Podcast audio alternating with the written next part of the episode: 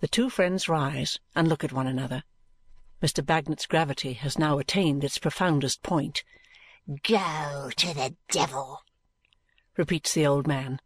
"I'll have no more of your pipe-smokings and swaggerings. What! You're an independent dragoon too? Go to my lawyer you remember where you've been there before and show your independence now, will you? Come, my dear friend, there's a chance for you. Open the door, Judy. Put these blusterers out. Call in help if they don't go. Put 'em out. He vociferates this so loudly that Mr. Bagnet, laying his hands on the shoulders of his comrade before the latter can recover from his amazement, gets him on the outside of the street door, which is instantly slammed by the triumphant Judy. Utterly confounded, Mr. George a while stands looking at the knocker.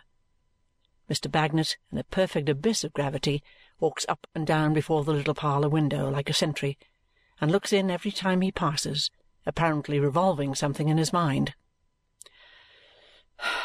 "Come, Mat," says Mr. George when he has recovered himself. "We must try the lawyer. Now, what do you think of this rascal?"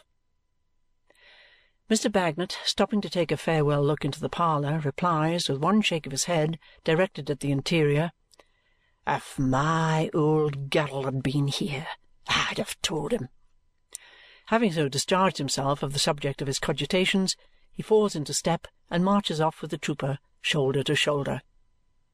When they present themselves in Lincoln's Inn Fields, Mr. Tulkinghorn is engaged and not to be seen. He is not at all willing to see them, for when they have waited a full hour, and the clerk, on his bell being rung, takes the opportunity of mentioning as much, he brings forth no more encouraging message than Mr. Tulkinghorn has nothing to say to them and they had better not wait. They do wait, however, with the perseverance of military tactics, and at last the bell rings again, and the client in possession comes out of Mr. Tulkinghorn's room. The client is a handsome old lady, no other than Mrs. Rouncewell, housekeeper at Chesney Wold. She comes out of the sanctuary with a fair old-fashioned curtsy and softly shuts the door. She is treated with some distinction there, for the clerk steps out of his pew to show her through the outer office and to let her out. The old lady is thanking him for his attention when she observes the comrades in waiting.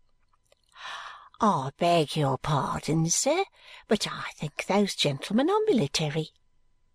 The clerk referring the question to them with his eye, and Mr. George not turning round from the almanac over the fireplace, Mr. Bagnet takes upon himself to reply, "Yes, ma'am, formerly." "I thought so. I was sure of it. My heart warms, gentlemen, at the sight of you. It always does at the sight of such. God bless you, gentlemen. You'll excuse an old woman. But I had a son once who went for a soldier.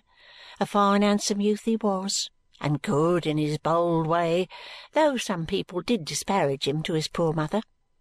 I ask your pardon for troubling you, sir. God bless you, gentlemen. Same to you, ma'am, returns Mr. Bagnet with right good will. There is something very touching in the earnestness of the old lady's voice and in the tremble that goes through her quaint old figure but Mr. George is so occupied with the almanac over the fireplace, calculating the coming months by it perhaps, that he does not look round until she has gone away and the door is closed upon her. "George," Mr. Bagnet gruffly whispers when he does turn from the almanac at last, "don't be cast down. Why, soldiers, why should we be melancholy boys? Cheer up, my hearty! The clerk having now again gone in to say that they are still there, and Mr. Tulkinghorn being heard to return with some irascibility, "Let them come in, then," they pass into the great room with the painted ceiling and find him standing before the fire. "Now, you men, what do you want? Sergeant, I told you the last time I saw you that I don't desire your company here." Sergeant replies, dashed within the last few minutes as to his usual manner of speech and even at his usual carriage, that he has received this letter, has been to Mr. Smallweed about it, and has been referred there. "I have nothing to say to you," returns Mr. Tulkinghorn. "If you get into debt, you must pay your debts or take the consequences. You have no occasion to come here to learn that, I suppose?" Sergeant is sorry to say that he is not prepared with the money. "Very well. Then the other man this man, if this is he must pay for it for you." Sergeant is sorry to add that the other man is not prepared with the money either. "Very well. Then you must pay it between you, or you must both be sued for it, and both suffer. You have had the money, and must refund it. You are not to pocket other people's pounds, shillings, and pence, and escape scot free." The lawyer sits down in his easy chair and stirs the fire. Mr. George hopes he will have the goodness to "I tell you, sergeant, I have nothing to say to you. I don't like your associates, and don't want you here. This matter is not at all in my course of practice, and is not in my office. Mr. Smallweed is good enough to offer these affairs to me, but they are not in my way. You must go to Melchisedech's and Clifford's Inn. "I must make an apology to you, sir," says Mr. George, "for pressing myself upon you with so little encouragement, which is almost as unpleasant to me as it can be to you. But would you let me say a private word to you?" Mr. Tulkinghorn rises with his hands in his pockets and walks into one of the window recesses. "Now, I have no time to waste."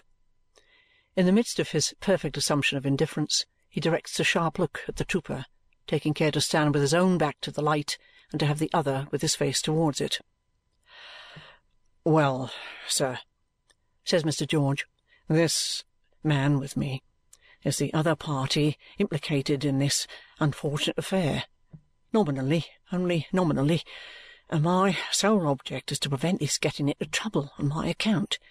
He is a most respectable man, with a wife and family formerly in the Royal Artillery "My friend, I don't care a pinch of snuff for the whole Royal Artillery establishment officers, men, tumbrils, waggons, horses, guns, and ammunition." "'Tis likely, sir. But I care a good deal for Bagnet and his wife and family being injured on my account, and if I could bring 'em through this matter I should have no help for it but to give up without any other consideration what you wanted of me the other day. Have you got it here?" "I have got it here, sir." "Sergeant," the lawyer proceeds in his dry, passionless manner, far more hopeless in the dealing with than any amount of vehemence, "make up your mind while I speak to you, for this is final. After I have finished speaking I have closed the subject and I won't reopen it. Understand that. You can leave here for a few days what you say you have brought here if you choose. You can take it away at once if you choose. In case you choose to leave it here, I can do this for you. I can replace this matter on its old footing, and I can go so far besides as to give you a written undertaking that this man Bagnet shall never be troubled in any way until you have been proceeded against to the utmost, that your means shall be exhausted before the creditor looks to his. This is, in fact, all but freeing him. Have you decided? The trooper puts his hand into his breast and answers with a long breath, "I must do it, sir." So Mr. Tulkinghorn, putting on his spectacles, sits down and writes the undertaking, which he slowly reads and explains to Bagnet, who has all this time been staring at the ceiling and who puts his hand on his bald head again, under this new verbal shower bath, and seems exceedingly in need of the old girl through whom to express his sentiments. The trooper then takes from his breast pocket a folded paper, which he lays with an unwilling hand at the lawyer's elbow. "'Tis only a letter of instructions, sir. The last I ever had from him." Look at a millstone, Mr. George, for some change in its expression, and you will find it quite as soon as in the face of Mr. Tulkinghorn when he opens and reads the letter. He refolds it and lays it in his desk with a countenance as unperturbable as death. Nor has he anything more to say or do but to nod once in the same frigid and discourteous manner and to say briefly, "You can go. Show these men out there." Being shown out, they repair to Mr. Bagnet's residence to dine. Boiled beef and greens constitute the day's variety on the former repast of boiled pork and greens and Mrs. Bagnet serves out the meal in the same way and seasons it with the best of temper, being that rare sort of old girl that she receives good to her arms without a hint that it might be better and catches light from any little spot of darkness near her. The spot on this occasion is the darkened brow of Mr. George. He is unusually thoughtful and depressed. At first Mrs. Bagnet trusts to the combined endearments of Quebec and Malta to restore him but finding those young ladies sensible that their existing Bluffy is not the Bluffy of their usual frolicsome acquaintance, she winks off the light infantry and leaves him to deploy at leisure on the open ground of the domestic hearth. But he does not. He remains in close order, clouded and depressed. During the lengthy cleaning up and patterning process, when he and Mr. Bagnet are supplied with their pipes, he is no better than he was at dinner. He forgets to smoke looks at the fire and ponders, lets his pipe out, fills the breast of Mr. Bagnet with perturbation and dismay by showing that he has no enjoyment of tobacco. Therefore, when Mrs. Bagnet at last appears, rosy from the invigorating pail, and sits down to her work, Mr. Bagnet growls, "Old girl!" and winks monitions to her to find out what's the matter. "Why, George!" Says Mrs. Bagnet, quietly threading her needle. "How low you are!" Am I? Not good company? Well, I, I'm afraid I'm not. "He ain't at all like Bluffy, mother," cries little Malta. "Because he ain't well, I think, mother," adds Quebec. Sure, that's a bad sign, not to be like Bluffy too, returns the trooper, kissing the young damsels. But it's true. With a sigh. True, I'm afraid. These little ones are always right. "George," says Mrs. Bagnet, working busily, "if I thought you cross enough to think of anything that a shrill old soldier's wife, who could have bitten her tongue off afterwards and ought to have done it almost, said this morning, I don't know what I shouldn't say to you now." My kind soul of a darling!" returns the trooper. "Not a morsel of it." "Because, really and truly, George, what I said and meant to say was that I trusted Lignum to you and was sure you'd bring him through it. And you have brought him through it, noble." "Thankye, my dear," says George. "I am glad of your good opinion." In giving Mrs. Bagnet's hand, with her work in it, a friendly shake for she took her seat beside him, the trooper's attention is attracted to her face. After looking at it for a little while as she plies her needle, he looks to young Woolwich sitting on his stool in the corner and beckons that fifer to him. "See there, my boy," says George, very gently smoothing the mother's hair with his hand. "There's a good loving forehead for you, all bright with love of you, my boy a little touched by the sun and the weather through following your father about and taking care of you, but as fresh and wholesome as a ripe apple on a tree." Mr. Bagnet's face expresses, so far as in its wooden material lies, the highest approbation and acquiescence. "The time will come, my boy," pursues the trooper, "when this hair of your mother's will be grey and this forehead all crossed and recrossed with wrinkles, and a fine old lady she'll be then. Take care, while you are young, that you can think in those days. I never whitened a hair of her dear head. I never marked a sorrowful line in her face.